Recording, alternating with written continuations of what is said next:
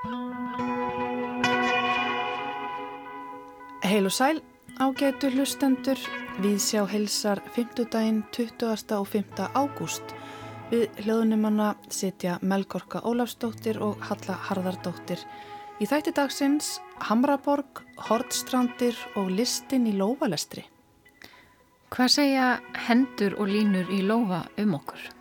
Er hægt að lesa í karakter fólks út frá Lóvalínum og hafið þið heyrt um Rísegjar nöglina? Myndlistakonan Freyja Eilíf og handa rannsakandin Jana Napoli hafa í nokkuð tíma starfað saman að verkefni sem felur í sér að ljósmynda hendur Íslendinga og spá fyrir fólki. Það er taka þátt í Hamraborgarháttíðinni sem fer fram um helgina og sem við heyrum betur af hér rétt á eftir.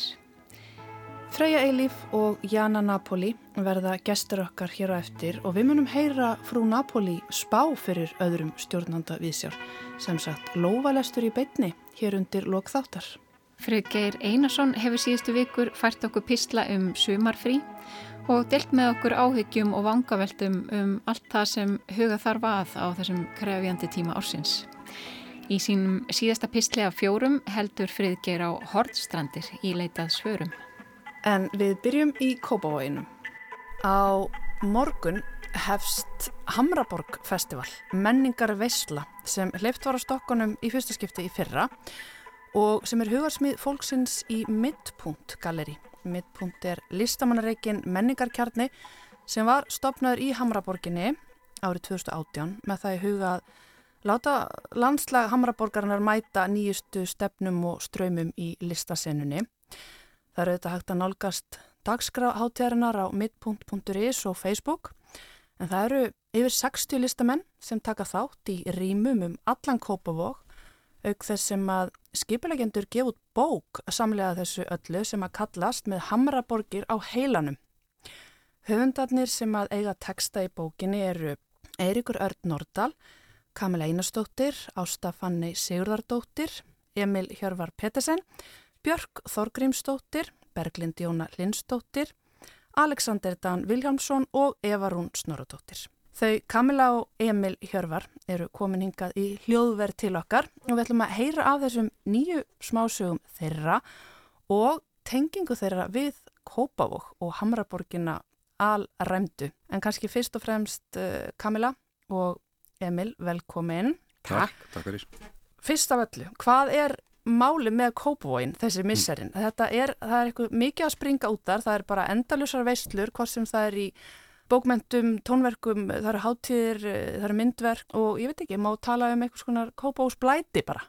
Ég vona það. Já, og tími til komin, þetta er Já. svo frábær staður mm -hmm. Og sérstaklega hjarta þannig í Hamraborginni, það mm er svo gaman hana og það er þú veist, margir aðri bæir monta segja þegar það sé svo mikið saga þar og þú veist, við erum eilskallagrimsson og eitthvað svona en, og, og stundum hefur Kópavur orðið svolítið út úr svona einhvern útundan af því að þú veist, þetta er svo nýr bær en mm. það mhm. er fyllt að sögu þarna mm. og það er alltaf Kópavúsfundurinn 1662 og svo er þú veist, það er pöngsunan og það er svo marg, þetta er sko úr svo ólíkum áttum mm -hmm. og þetta er og það er líka svo skemmtilega í svo nýjum bæjum um, þú veist, að það þú veist, það er einhvern veginn það er ekki hægt, einhver einn típa búin að pissi all hodnin einhvern veginn, þú veist, það er pláss fyrir einhvern alla og vera alls konar fyrst mér allavega. Mm -hmm. mm. Tekur undir þetta, Emil? Já, já ég, já. ég ólst upp í Kópavegi og þegar ég var, þú veist, unglingur í mentaskóla, MK og síðan fór ég í háskólan, þá hérna, þá fannst mér bara frekar lumó að vera hérna, það var ekkert að gerast, bara,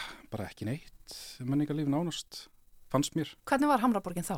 Hamraborgin var uh, þá aðeins grári enn gráriri uh, Fannst það svona skarri þá? Ég sko, málið er að Hamburgi fyrir mér er uh, ákveðin nostalgíja þegar ég var lítill þá var algjörst ævintýri að, að hjólaðan um, það var bara völundarhús en sem sagt á hvers undarfönnum áratug held ég hefur verið að hefur verið svo mikil gróska mm -hmm. þú veist í kringum menningarhúsin og eins og, eins og nefndir, það er alltaf eitthvað í gangi og ég held að sé bara að þakka einhvers konar innspýtingu í menningamálinn frá bænum mm -hmm. og, og menningafulltrúandar Elisabeth Indra, ég held að hún sé mjög öflug í að skipilegja haldauðunum allt saman og mittpunkt Snæbjörn og, og hérna heiður þau hérna fengu styrk frá bæn mm -hmm. uh, til þess að halda Hamraborg festival að því að það gekk svo vel á seinasta ári og þú veist, 60 listamenn mm -hmm. Þetta er kannski bara ótrúlega skýrt dæmi um það hvaða mikilvægt að setja innspýtingu í menningarlefið og þessi litlu galleri hvað þau geta gefið mikið af sér. Já, og núna eftir miðpundafna þá er náttúrulega líka komið hann á gamlu bensinstöðinni sem er sko. ótrúlega flott og það með, hafa alltaf verið með rosalega flotta viðbyrði þar og það er svo gaman. Og líka mér, þú veist, ég hef aldrei búið í Kóboi, bara fætt í Reykjavík og hef alltaf verið hér Því líka hjáttning. Ég veit að harmleikur. Margir að nóti hafa, þeir verða fyrir vambriði núna. en hver er þín tenging við Kópóin, Kamila? Sko, ég, ég var alveg, mamma mín er úr Kópói, þannig ég hef alveg farið og haldið upp á 17. júni og alls konar svo leiðis. En þú veist, og ég líka, mér fannst Kópói ekki töff og undugöngin, hann var alltaf sem ekki pissufíla og eitthvað svona. Undugöngin, sko. En Já. svo setna, eftir við fullanum, þú veist, ef maður býr útlendum, þá er er alltaf þetta að fara að heimsækja ykkur aðra borga, ykkur annan bæ. Og mér var svolítið, svolítið leil, þú veist, ef það er að upplega eitthvað svona borgarstemning og þurftur að fara kannski til akkur og svolítið langt að fara. Þú veist að maður vil eitthvað stinga af frá öllu þá er svo auðvelt, en svo erum við bara með hana aðra auka borg, Hamraborgina sem er æði og er svo auðvelt að skjótast hana og ég byrja að fara hana bara sem túristi, bara ok, ég fyrir bara út úr strætu og lappa og ég er ennþá að gera það bara. Og maður veit aldrei hvað maður endar mm -hmm. af því að það er ekkert neitt svona þú veist það meikar ekkert sens það Nei, ekki neitt sko en það er það sem er flott. Já, og það er svo gaman þú veist bara að þú lappar um og svo er alltaf komin einhver reysa fiskabúð og já, já. svo lappar um og finnir einhver ponsulilla partibúð Akkurat sko. Svo, svo er svo mikil uppbygging hérna líka á nýbilaveginum Já. og auðbrekku, þetta var sko fyrir tíu árum þá var bara nelt fyrir alla glugga sko. En það var hérna, þetta hverfi sér reysana í hérna, hérna lund, hérna lundra sem var bondabær sko. Mm þá fór þjónusta opnaðan aftur og svo, og svo er þú veist ný þjónusta í Hamraborg og það er eitthvað svona tal um að breytinu og svona en ég vil það ekki og ég held, ég held að mitt að þú veist þau hjá mittpunkt vil ég það ekki heldur heldur halda þessu gráa sem gráa kvöld fíling sko. En Kamila, ég er svo forvitin um þína tengingu við Kópa og þú talaður um mamma en væri fættar Sko mamma er endur ekki fætt í Kópa en hún fluttar þá lítil en hún, hún tekur alltaf skipt fram að hún sé fættar en hérna Sko, teng, ég, á, ég var í tónleikskólanum í tíu ár og lærið það samt aldrei neitt en samt, veist, það var samt alveg gaman og var alltaf að taka strætóna með einhver hljóðfæri og, og, og, það er svona eitthvað svona, ekki alltaf mjög skemmtilegt að gera það tviðsverju viku þegar maður er krakki og 17. júni var alltaf alveg ræðilegur en fannst mér sko það var ekki drosa mikið hátíhald en á rútstúrni það var, það var svona nú var eins og það var svið með hérna kallakór sem brotnaði og þau hrundu allar og svo var eitt árið hérna þegar bæjasturinn ætlaði að hoppa út úr flug með hérna fallíf en lengt út í sjónum. Þannig sem var þá náttúrulega allt ekóli smitaður og það, en þú veist, svo koma alltaf og maður satt hann alltaf bara verið velun í ykkur víðavangsleipi það mhm. voru hátuhöldin en svo kom þetta Reykjavíkur aftur og sá vini sín í sjónvarpinu með gasblurur og sleikja og svona snuttusleikja og eitthvað Já. og ég var alltaf bara til hati þetta skýtabæ en svo bara fatta mér og þú veist ég núna, ég bara í alveg ég elska þetta, ég elska Katalínu þú veist ég feð bara oft hanga að skrifa mm -hmm. Og bara starfsfólkarna æði og fara í júramarked og versli matinn og núna er það meitt okkur lisspurður í júramarked mm -hmm. og þau hafa verið ótrúlega vilja bara vera með alls konar upp að koma þar og, mm -hmm. og eins og morgun þegar setningin þá ætla bæjastörn að vera með okkur ræði fyrir utan tattústofuna Black Cross og eitthvað þú veist þetta er svo skemmtileg menningátt þú veist, ef mér finnst stundum hafa svona menningaviðbörðir svolítið tilhengi til að vera svolítið stífir eða kannski mér finnst það svona stressandi en þú veist Hamraborgin og hafa háti þar eitthvað en það bara megi allir koma og vera elskunar og, mm -hmm. og þetta er á svona litli svæð og auðvelt að vera inn eða kallt og mm -hmm. Emil, uh, Emil, þú hefur sannlega notað Kópáin sem sögursvið í þínum verkum. Já, það er að byrja á því að ég var að klára þríleik sem heitir Saga eftirlifunda og hafði það búið í Svíþjóð eða bjóð í Svíþjóði áratug og skrifaði hann þar og fór að, að hugsa heim í bí, bí, bí Kópái aftur núna sko til frambúðar. Og þá fekk ég hugmyndið til lókin hérna að sögu sem heitir Víhólar um miðil sem að hérna, aðstofa laurluna og ég hugsaði sko Víhól sem er í Kópavói ég ólst ná, upp nálat Víhól sem á að vera, veist, á að vera álega blettur og ég fór að hugsa ok, ég er búin að fóra út um allan heim með þennan þríleik hvað um að nota nær umhverfið sem ég þekki best? Og ég fór að vinna út á því og fór að hér að skella samt kópa og svo fekk fullt af hérna, heimildum og, og það var svona byrjun. Svo hérna skrifaði tverjaðara bækur og, og sér fór út að skrifa hrollveikjur og í gegnum þessa rannsóna vinna að skoða sögukópa og svo þjóðsögur og svona það fór náttúrulega að kynnast bænum og sögans á nýjan hátt. Og það er þú veist hérna gamla Kópóis hælið, komum bók eftir mig á senast ára sem heitir Hælið sem er bara gerist í Kópói og það er stórmerkileg saga í kringum þetta hæli mm -hmm. ég verði einmitt með svona sagnagöngu á lögadeginu Ég er svo ótrúlega spennt fyrir því. Það er ekki að byrja hana á þingstæðnum Já, ég ætla að byrja hjá hælinu. Okay. Kópóis gerði átta, það heitir Geðrækta hús núna en íbúið að gera mm -hmm. upp. Þetta var, þú veist, Berkla spítali sem voru síðustu holdsveikur sjúklingar á Íslandi þegar hún komið fyrir þarna. Og svo einmitt hjá þingstæðnum voru af þú veist, fólk var dæmt til dauða þannig að ég bara, þú veist, þetta kallaði bara á hrollveiki, mm -hmm. þetta er svona tímaflags hrollveiki en ég fekk hugmyndina hælinu út frá annari bók sem ég var að vinna í sem ég er loksis að koma út uh, núna í oktober og heitir Dauðaleit hún gerist í Hamraborg mm. og hérna, yes. já, og það megin sögur og það er unglingstúlka hverfur með mjög undarlegum hætti í undirgöngunum í Hamraborg Bílakjallarinn? Bí, bí, já, bí, bíla, bíla, húsi, bílakjallarinn, það er líka mjög mjö, mjö stór partur sögursviðinu og málið er að rannsóknlörglumadurinn sem að fær málið á sitt borð, hann fyrir mikið ójafnvægi vegna þess að þetta er eiginlega nákvæmlega eins og þegar vinur hans kvarfi í undurgöngunum í Hamraborg 25 árum áður og fannst aldrei. Mm -hmm. og, hérna, og tráma, trámað frá þeirri þeim tíma kemur aftur upp á yfirborðið. Og svo fær hann svona minningaflassbökk eða svona endurlitt sem að í, í, í þessar bók með Hamraborgir og heilanum eru þrjú af þessum endurlitum sem eru þá svona minningabrót uh, aðalpersonunar þessu stúr fortíðans Já. þetta er ekki megin sagandu fortíðin og ég byggi þá kaplatóldi á minni einn reynslu að vera 13 ára í, í Kóboi og í Hamraborg og þú veist eins og ég er að lýsa á hann eins og þetta sé svona eitthvað sko völundurhús en þetta er alveg mm. ótrúlega svona ískikkilegu staður á kvöldin sko og svo er Vofan hjá Kóbóskjá það er, það er hérna uh, þjóðsaga og sagt, bókið mín döðilegt er glæpa hryllingur, svona crime horror og ég nýti þess að vofi í kópói sko, það er ákveðin þula sem að hérna, ég fekk frá fjara skella safnu sem að á að reykja henni burtu og eitthvað svona döð sko. mm. þannig að alls konar það verður bara ljúfir andar með okkur á Katalínu annarkvöld Já, algjörlega og, og hinn er höfundinu koma líka. Þið ætla að koma öll og lesa upp annarkvöld Já, og Já. það er alltaf þetta að fara og tala við því Emil er það ekki að fá þöluna ef ykkur verður eitthvað smeg Já, ég held algjörlega sko. Þú veist, ef, einhver er orðin og drukkin og heldur hans í að sjá hluti sko. Það nú plana okkar alltaf. En, hérna, eh, en hinn er höfundinu, þú taldir það upp á það mm -hmm. þetta er alveg frábær hópu sko. mm -hmm. Kamla, segð okkur aðeins frá þinni sögu bókinni Ég, sko, þetta var svona, ég held að mjög margir höfundar eru með svona, svona hli fram, oft kallað framhjáhaldsagan, þú veist, að ma mann skrifa eitthvað og fari leiðaðu, þá er einn svona saga sem ætlar aldrei að sína neinum og þá máttu gera hvað sem þú vilt.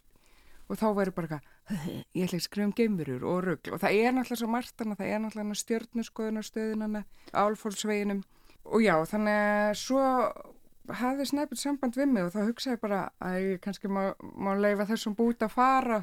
En ég sé sem smá eftir því að núna þá þurfum ég að fyrir mig nýtt fram í hald En það hljómar eins og þessi plás fyrir bara allt þarna á, á þessari háttíð, bæði drauga og vætti og vofur og einmitt eins og þú sagðir, það er ekki búið að pissa í öll hotnin þannig að það er kannski fleiri möguleikar í stöðinni Já, já. Ótrúlega gaman að fá okkur í heimsókn, Emil Hjörvar Pettersen og Kamila Einarstóttir. Bara gangi ykkur vel að taka þátt í þessari menningaveislu sem verður í Hamraborginni og bara út um allan Kópavók þessa helgi. Við hvetjum bara hlustendur til að kíkja á dagskrana og næðala sér eintaka þessari bók sem er virkilega skemmtilega til hamingju. Takk fyrir. Kamila Einarstóttir og Emil Hjörvar Pettersen litu við og sögðu okkur aðeins frá Hamraborg Festival sem hefst á morgun og stendur yfir fram á sunnudag. Við heyrum nánar af einum af fjölmörgum viðburðum hátíðarinnar hér á eftir. Já, en nú tekur Fríðger Einarsson við. Nú er sumafríðið að klárast sem er ágætti sjálfu sér. Ég beði þess með nokkur eftirvendingu að komast aftur í vinnu. Langvarandi aðgerleysi fer illa í mig þó að það sé auðvitað gott að taka sér kvíld endrum og sinnum. Ég sá fyrir mér að ég geti notað sömafríði til að hlaða sjálfa mig eins og fólk segir stundum og á þá við að líka minn sé eins og hvert annað ramagsapparat sem þarf að komast reglulega í samband eh, við eitthvað sem gefur líkamlega og andlega næringu. Eins og fram hefur komið í fyrri pislu mínum var draumur minn að komast út fyrir borgina og helst út úr mannlegu samfélagi. Vera undir berum himni lengur en hluta á degi á óbyggðum svæðum. Þá myndu kannski opnast mér ný sjónarhorn, sá ég fyrir mér. Ég myndi öðlast sjálfstekkingu og þar með finna sterkar fyrir tilgangi mínum í veröldinni að ég væri hluti af þessu viðamikla og flokna gangverki sem veröldin er og á sama tíma verða æðrulausari gagvart því að skipta svo gott sem engu máli í stóra samhengi hlutana. Eitthvað svo leiðis. Þessar vendingar hafði ég allavega. Ætlaði að mig ekki kalla það náttúru FOMO. FOMO fyrir þá sem ekki vita er skamstöfun á enska frasanum Fear of Missing Out og er gætnan notaður í samhengi við markmiðlun í samtímanum. Fólk óttast að það sé sífælt að fara á mis við eitthvað merkilegra en það sjálft sé að upplifa hverju sinni. Og þess vegna hefur stór hluti sumafrísins farið í að aka fjölskyldunni um kvipin og kvapin í leitað einhverju óáþreifanlegu en eh, fullkomnu, einhvers konar óáþreifanlegu og fullkomnu augnabliki, hugljómun þess efnis að lífið sé í einni andrá stórkostlegt og einskisvirði. Þess áttar hugljómun hefur látið býða eftir sér. Enda kannski ekki við öðra búast. Sumar leiðangra mína hef ég fram að þessu farið á bíl, en bíl er jú einhvers konar hús þannig lagað. Í honum er maður innandira og þá má kannski líka segja að veginnir séu nokkus konar golf. Fyrir utan að veginnir stýra því alveg hvert maður fer.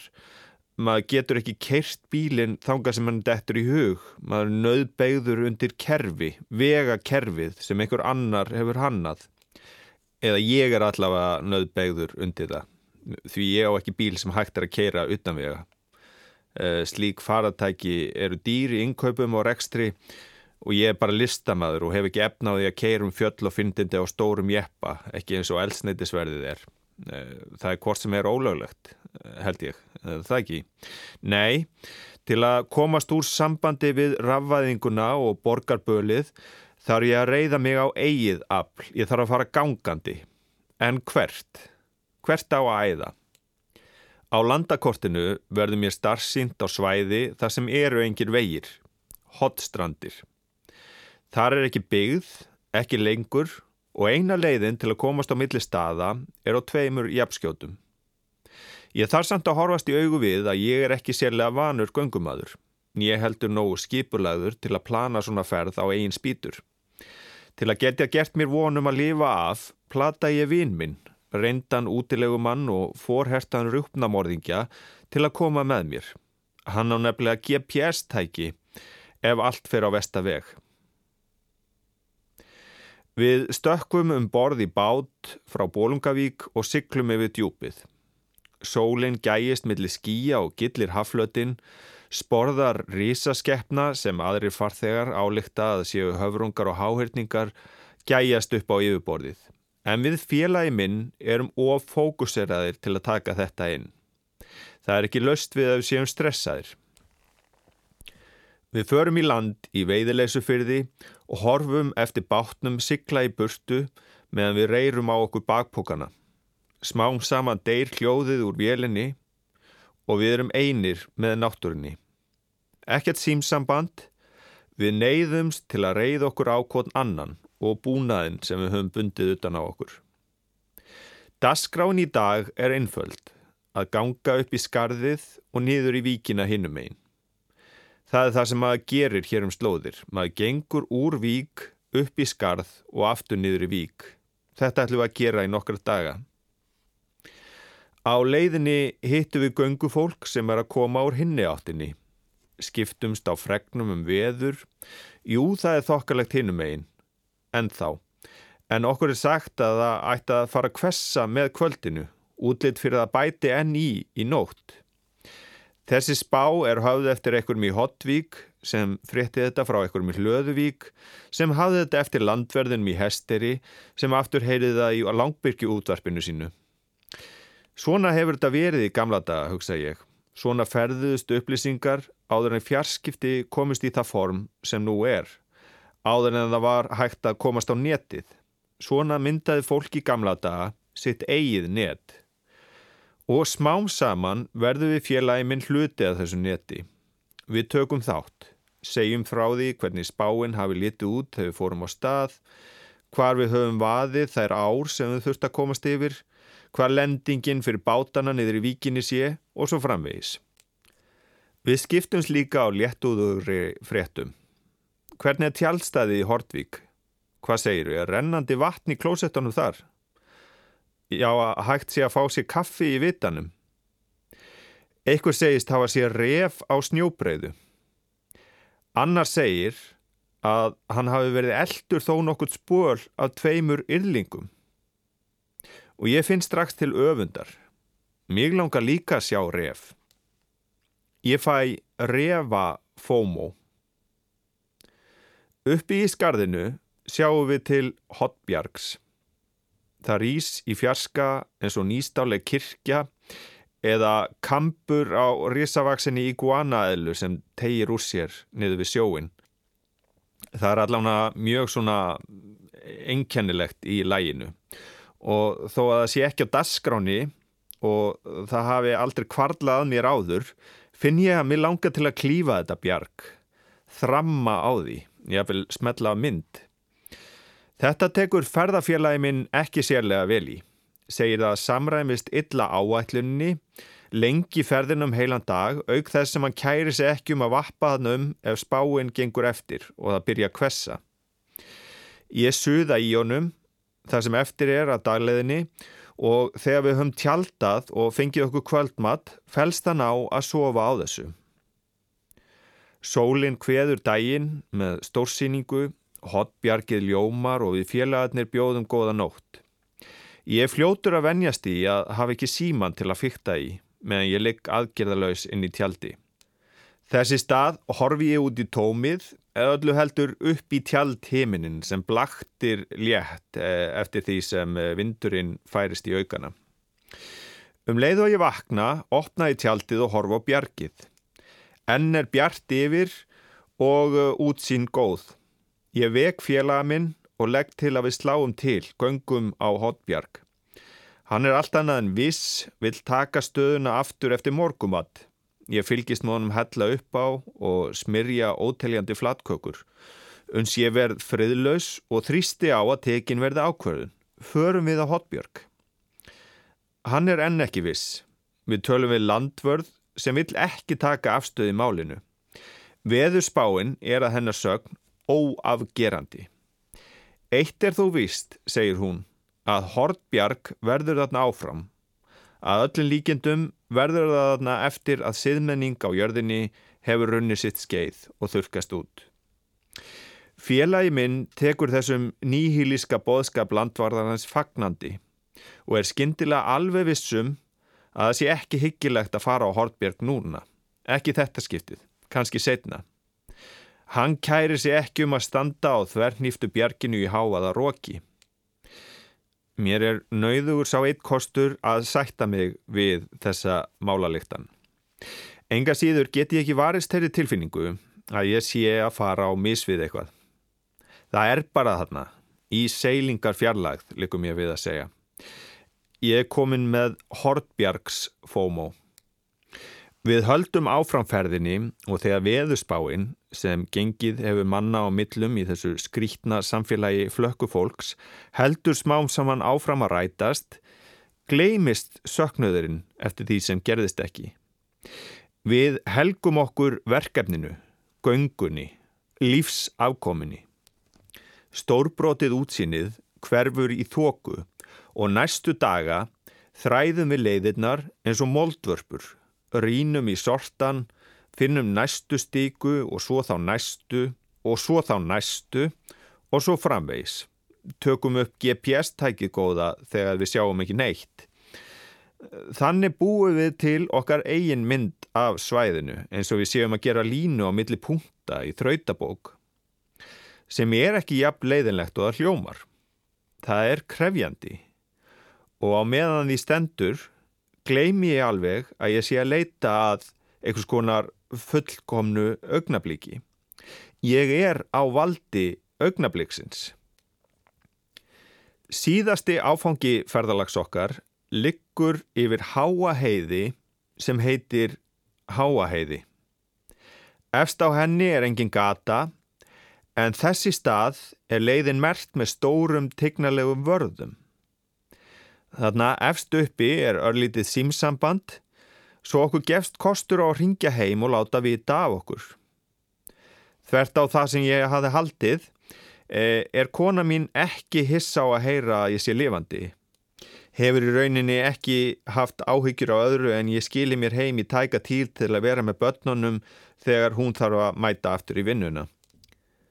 Vinu minn ringi líka í sína konu. Hún er fordlegafræðingur og notar tækifærið til að byggja vinn minn um að setja staðsetningar hnit varðana inn í GPS-tæki sitt. Vörðurnar eru víst það gamlar að það teljast til einhvers konar minja og það rennur upp fyrir mér sem auðvitað hefði átt að blasa við að þetta er leið sem hefur verið gengin öldum saman. Við erum allsengir frumkvöðlar, fylgjum tróðnum slóðum, þó við sjáum ekki alltaf fótspor, en það er líka allt í lægi. Þetta er nefnilega nokkur skonar ritual. Skrítin gjörningur sem setur okkur einhvern veginn í samhengi við landið, söguna og þá sem gengur hér á undan okkur. Maður fer bókstafla í þeirra spór og þannig lesum við landið dálitið eins og gamla bók. Tilgangur aðtapnarinnar er óljós í öllu falli afstæður, sjálfsagt besta hver skilgrinni hann fyrir sig og því undir mér komið að ákvarða hvort ég hafi náð markmiði mínu eða ekki. Eitthvað svo leiðis. Það er allavega það sem ég hugsa þegar ég stígu upp í bílinn og ek af stað söður til Reykjavíkur. Friðger Einarsson flutti hér sinn síðasta pistil af fjórum um sumarfrí og það eru fleiri farfuglar farnir að hugsa sér til reyfings. Já, á sunnudaginn klukkan fjögur verða síðustu stofutónleikar sömarsins á Gljúrasteini í Mósvelstall. Stofutónleikar hafa verið fastur liður á sapninu frá árinu 2006 en í tíð Haldós og Auðar voru reglulega haldnir tónleikar í stofunni þar sem innlend og erlend tónlistarfólk leik listi sínar. Og tónlistamæður næsta sunnudags er ekki að verri endanum Davíð Þór Jónsson, píjánuleikari og tónskáld. Mér skilst að Davíð Þór haldi sérstaklega upp á Gljúrastein vegna þess hvað stofan er tilvalin fyrir sköpun á staðnum. Hann ætlar nefnilega að nota tækifærið og spinna láta stundin að ráða för þannig að úrverður rauntíma tónsmíð. Ég man einmitt eftir tónleikum á tónlistarháttíð Vikingsheiðas Reykjavík Midsummer Music fyrir nokkur árum. Þegar Davíð Þór satt við flílinn og átti samkvæmda skrá að spinna í um tíu mínútur. Tónleikarnir voru í beitni útsendingu en Davíð setti allt á hliðina því spuninn tók völdin og sprengti alla tímaskala og útsendingatíma. Hljómar eins og gestir á gljórasteginni eigi eitthvað gott í vendum eða kannski að heyra smá brot úr þessum spuna sem þú ætti að nefna hérna, svona alltaf að hitta upp. Já, gerum það.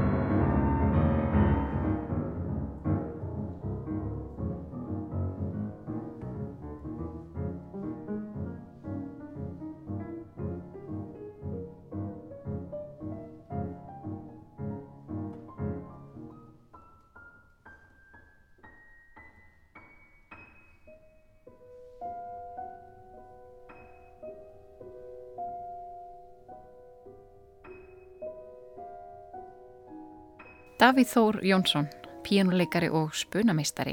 Hann tekur á móti gestum á síðustu stofutólningum sömarsins á Gljúrasteini næsta sunnudag. Nú þegar Davíð Þór er búin að opna aðeins andan held ég að við ættum að snú okkur að einhverju verulega dölaföllu. Já, snúum okkur að lóvalestri.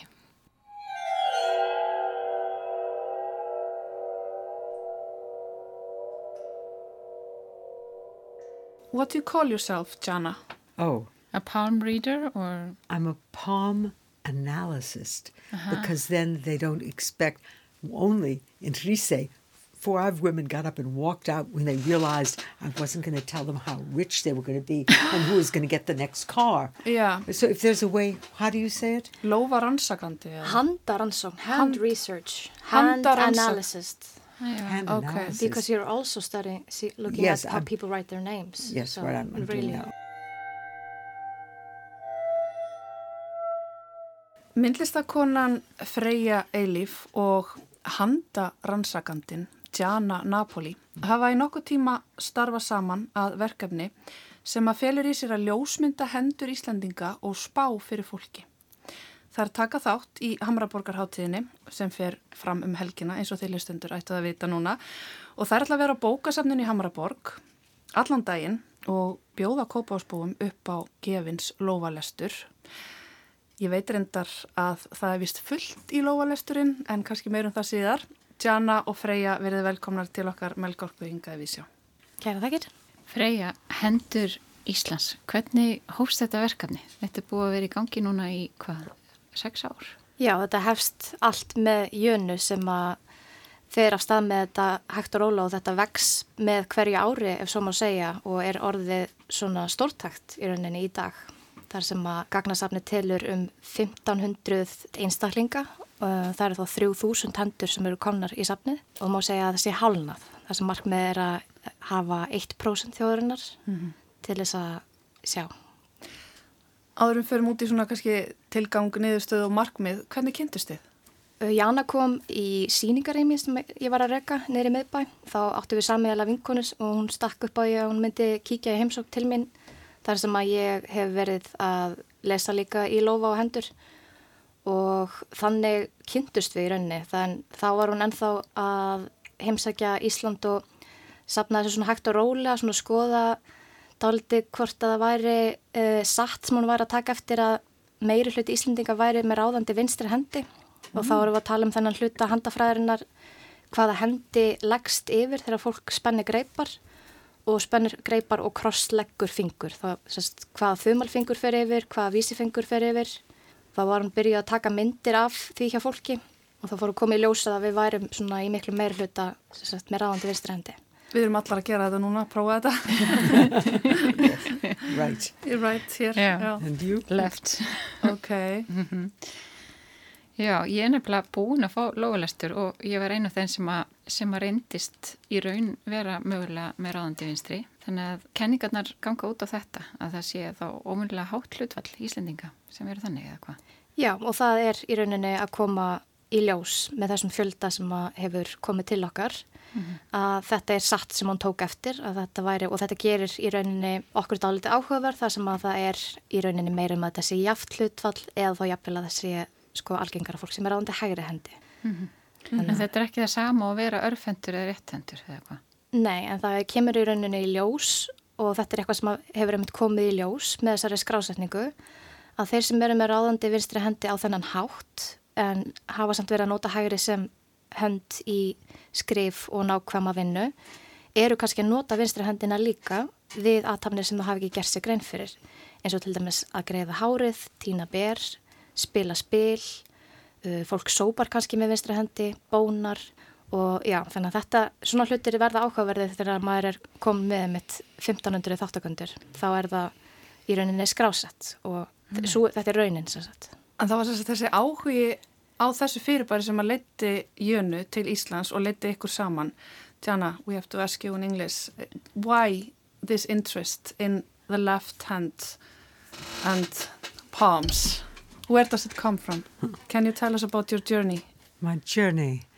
I was coming, stopping in Iceland because I was working in North Europe for a few years with some exhibits, exhausted, hot springs, and would go into a steam room and say, Can you put up your hands? Jana kom til Íslands á ferðalagi fyrir nokkrum árum. Hún var þreytt og vildi fara í heitar laugar og gufubað. Hún tók upp á því að byggja fólki í gufubæðu um að sína sér hendunar og leggja hendunar saman. Hún trúði ekki hversu margir virtust vera með ráðandi vinstri hendi með við fólk á öllum þeim ótalmörgu stöðum í heiminum sem hún hefur unnið. Hún var forvitin og fór að velta fyrir sér hvort þetta væri staðbundið fyrir höfuborgarsvæðið eða ætti sér einhverja aðra skýringu. Hún fann hjá sér þörf fyrir að ferðast um landið og lesa í Lófa. Hún hrindi í vinkonu sína og þær ákvöðu að gera bók um hendur Íslendinga. Svo þannig hóst so, ferðarleið. That was the beginning of the journey and it is true. Right now the first statistics say that 62% of Icelanders fairly equal between men and women are born to be left dominant. Jana segir að grunur hennar hafi verið staðfestur. Það hafi komið í ljós að óvinju hátlutfall Íslendinga fæðist með leiðandi vinstri hendi. Hún segir það tengjast hennu gamla hægra heilakveli, dýftar skinnjun, fínum núansum, ást á myndlíkingum og sögum og húmor. Hún segir að þetta minnstur sé áberendi hjá tónlistarfólki, bókurum, sterkum karlmunum eins og Magnúsi Verr. Þetta sé spurningum taugatengingar. Hinn nýji heili hinna réttendu með ríkjandi vinstraheilakvel neyist að því að búið til kerfi og lista og fylgja kerfum og listum. Þetta sé það sem þóknast yfirveldum betur, fólk með ríkjandi hægri hendur. Ok, but have you always read palms? I've read poems for 60 years. Jana segist hafa lesið í Lófa í 60 ár frá því hún var lítið stelpa og tók bók sem mamma hennar átti og faldi hennar hjá sér. Hún hafði bókina með sér í parti til þess að hafa eitthvað að segja í partíum. Okay. Hvað með þig Freyja? Segð okkur frá þínum áhuga á Lófalestri. Ég býstu að það sé svipa á hjá Jönni. Ég fann bók í bókaskáp föðu míns um Lófafræði og fekk að læra hjá honum líka meira mm -hmm. um þetta og svo eins og Jana hefur oft sagt þetta er doldið gott partytrykk að kunna lesa í lofa og ég var svona, já, ég stundaði það mikið á tímabil að lesa í lofa í svona hópsamkumum og mm -hmm. svona til gama segila bara en ég er búin að læra heil mikið núna bara af því að vinna með Jana þessu verkefni sem að hún er einmitt með 60 ára reynslu einmitt. af því að skoða hendur um viða veröld Getur þú sagt okkur svona aðeins frá þessum lofa fræðum? fyrir þá sem að vita ekkert. Það sem er kannski áhugavert fyrir fólk að fá að heyra svona, uh, meira um þessa lofahandafræði er að þetta er ekki þessi forspá um framtíðina endilega heldur meira svona eins og speil um sjálfið og dálítið svona verkværi líka fyrir fólk til að þakka sig og aðra og líka til að sjá hvernig heilsamanns er.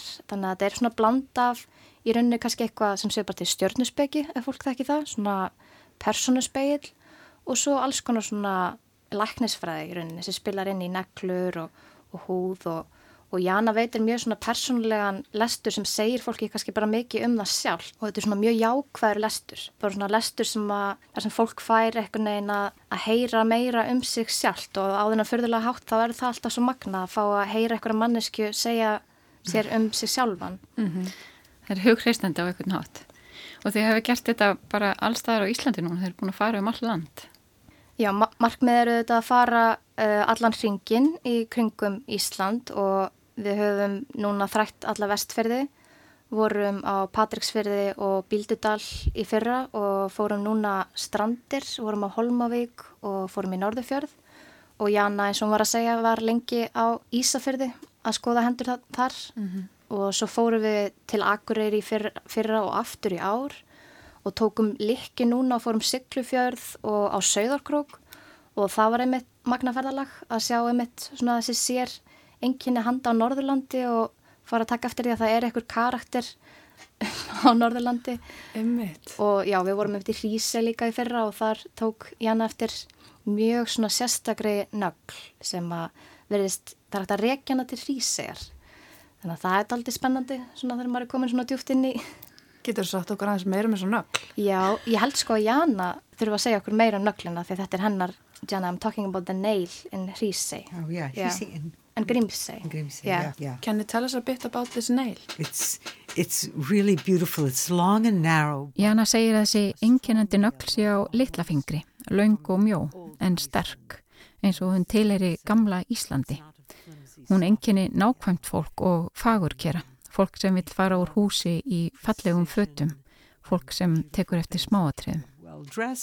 Þið eru búin að ferðast um allt og, og taka eftir ímsu meðal annars því að hana, mögulega eru meir luti Íslandinga ekki örfendur, heldur notar með ráðandi vinstri, með ráðandi vinstri. eru líka eitthvað svona fleiri personenginni eins og Jannar nefna hérna frá Hrísei eitthvað svona sem að við tekja eftir sem við getum satt okkur frá Já, við vorum einmitt á sögokróki og, og það ná sigluferði og þá kom í ljós að skakkferðingar verðast vera mjög jafnvýr. Það var ekki bara það að það væri sérst flestir með ráðandi vinstri hendi, það var ekki það heldur voru margir bara örfendir sagt að nota vinstri hend til að skrifa og jafnvel báðar. Sagt nota vinstri hendi en hægri líka eða nota hægri hendi við að skrifa en nota vinstri líka við að vinna nákvæmisvinni og þetta fannst mér mjög merkilegt vegna þess að þetta var afgerandi á þessum stað og þetta var í rauninni fyrsta skipti sem að það eru svona mjög mikil enginni á einum stað og þar voru líka þáttangandur uh, margir áttu ættir sínir að rekja bara beint á skakferði, sérst í báða liði. Þannig að þetta verður eitthvað svona sem er að koma í ljós núna mm -hmm. Og Freyja, þú ert að taka myndir af öllum þessum höndum. Hvað verður um þessa gagnasöfnun sem verður til?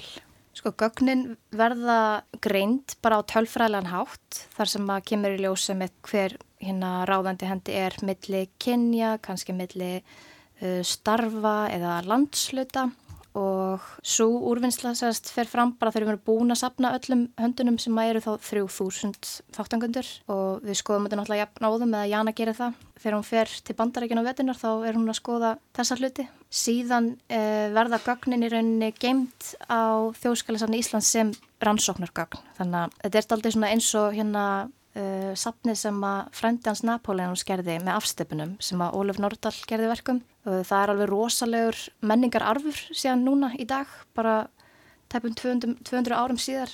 Mm. Þannig að þetta verður mikil saga mm -hmm. sem að Þjóðskjálasafn Íslands fær um Íslendinga þar sem að hendur af öllu landinu og af öllum aldurshópum reyndar eru börn náttúrulega ekki þáttangandur nema fóröldir þeirra að gera við leiði þannig að þetta er flest svona átjónar upp ár Þetta er ótrúlega skemmtilegt verkefni, gaman að heyra þessu. Mm -hmm. um, ég ætla að fá að leggja mitt að mörgum hérna í þessar rannsókn eða að prófa smá handa lestur. Endilega.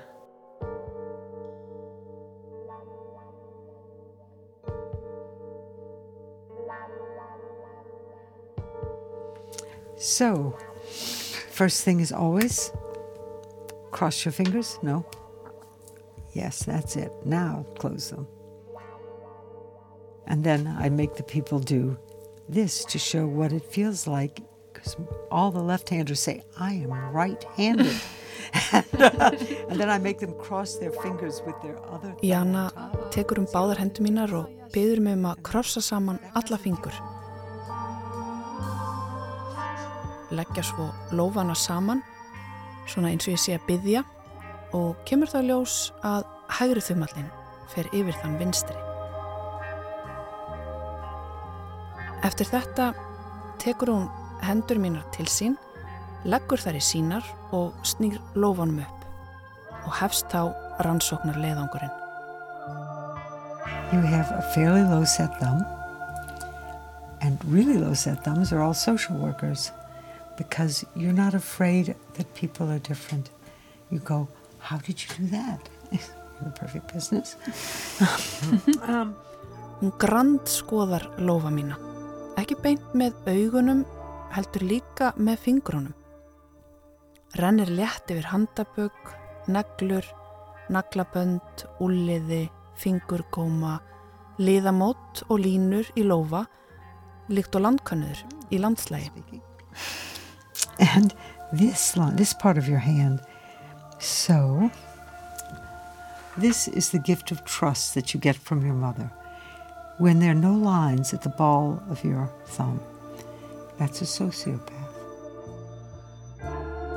Anyway, so this hand, but in your right that you use, you talk to everyone, you're curious, you have the nails for being a journalist. Hún talar hratt og stundum fram og tilbaka, stundum við mig, en stundum eins og við sjálfa sig. The people that really know what you believe and you trust. So you're careful. You have fairly flexible hands, so you can usually disappear, and you, you're at a strong line. Ég bara þegi og reyna að meðtaka allar þessar upplýsingar um sjálfa mig og líkamá minn. Þú ert svona, svona og svona. And you are this Icelandic thing that I always like, this highly intuitive headline. This is part of your hand that's intuition. I also think it's most probably really connection to your DNA. This, Og líkt og margir íslendingar er ég með stert innsægi, sennilega eitthvað með erðamengi okkar Íslendinga að gera, segir Janna. Því við erum vist upp til hópa mjög góði að hugsa í lausnum og lesa vandamál. Sterk lifur, það er góð sveiti, segir Janna. Jáfnveil merkjum langlífi, hver vill ekki heyra það? Það er að segja ef ég fer vel með það sem ég er gefið. And a strong line of liver. In the old days they thought the liver ruled the body. So this line means that you have a very good working system internally. You're meant for the long run, babe. Good to hear. Kanski óþarf að deila því persónlegasta með ykkur, kærlustendur, en þið finnið hver stemningin á þessu ferðalagi er. Þetta er daldið eins og að sitja við glugga í lest með ókunnri manneskju og fá lýsing á landslæginu sem að þeysist framhjá á ógnarhraða. Hér sér þau dal sem segir mér að þú hafi þurft að skilja við stóran hluta á sjálfriðir eða fjölskylduðinni. Það var ekki auðvelt en þú gengur keik og svo framvegs og svo framvegs. Um, and these two fingers, this ring finger is testosterone and this pointer finger is estrogen. And yours? Þessi litla lína sem gengur þvert yfir þessa hæð beru óttum forvitni fyrir fólki, opin huga. Lots of charming people. And this little finger that loves precision and hates to go out of the house not looking neat um, is long. And this finger, yeah, aren't we mentally? Fingertips bend, so that's Nöglin, litla langa og fingerða nöglin og litla fingri, hún er til vitnis um það hversu nákvæm ég er, skipulöð og jú, mér finnst gaman að hafa mig til, mhm, mm fer helst ekki ytta til höfð út úr húsi, sað hún ekki það sama um nögl í Rísei hér áðan. And family comes first. And if you're talking about money, this is the finger that buys, and this is the finger that sells. I met one of the hundred richest men in the world, he was an engineer. Jana fer svo hratt yfir að ég fegin að þetta er allt fest á snældu. Línurnar segja svo mikla sögu, en ekki bara línurnar, heldur líka lengd og form fingrana og svo talar þetta allt saman og allt saman talar þetta við jönu sem að tala við mig, um mig, frá mér til mín. Það er óneitanlega sérstök tilfinning að fá personlegar upplýsingar frá ókunnri mannesku saman hvort þær eigi við mína personu eða ekki. Þetta er bara allt mjög personlegt og ferðalagið er varla hafið þegar mér líður eins og við Jana höfum alltaf þekst. Mm, which I am. Yes. But you come from people who, boy, did they like to burn the candle on both ends. They love to be 110% engaged in whatever they did. This line goes right across. Ég legg lofa mína í hennar og um leið allt mitt traust, horfi bara í augunar og kinka kolli við öllu sem hún segir.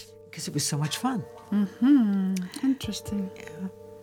Að vera settur í aðalutverk er bara alls ekkert svo slæmt. Sérstaklega ekki í amstri dagsins. Það er jafnvel bara nokkuð notalegt að eiga stund með sjálfur sér og nýjum ferðafélaga sem virðist vita að líka með og sál eru ein heild, heild sem að mótast ekki bara af ferðalegum mínum, heldur líka forfæðrana og maðrana. Jújú, þú mynd aftur standa á flekaskilum innan tíu ára því þannig ertu gerð. Þetta kemur sennilega beint úr móðurlegnum, þessi þörf fyrir sterkastefnu. Jújú, livrin er fín, lofar góðu, en myndu samt jafnvæg að milli karl og kvennorkunar. Þetta er allt línudans. Þetta eru þetta allt í erðamenginu, en þó umhverfið hefur sitt að segja. Og svo framvegis, og svo framvegis. We will work with this. You have a lot. I think you know more than you show. No, I can't see with the lights. No, no, I try to be really, really honest with people and don't use any psychology or anything. I try to speak in images because images don't hurt. Eftir að öllu líkur man ég ekkert, en það skiptir engum máli. Það var stundin sjálf sem var göldrótt. Stund á milli tveggja ókunra manneskja sem leggja saman lóa sína og tala um líf og dauða í tíu mínútur eins og um uppskrift að potrétt sé að ræða. Það er eitthvað fallegt við það.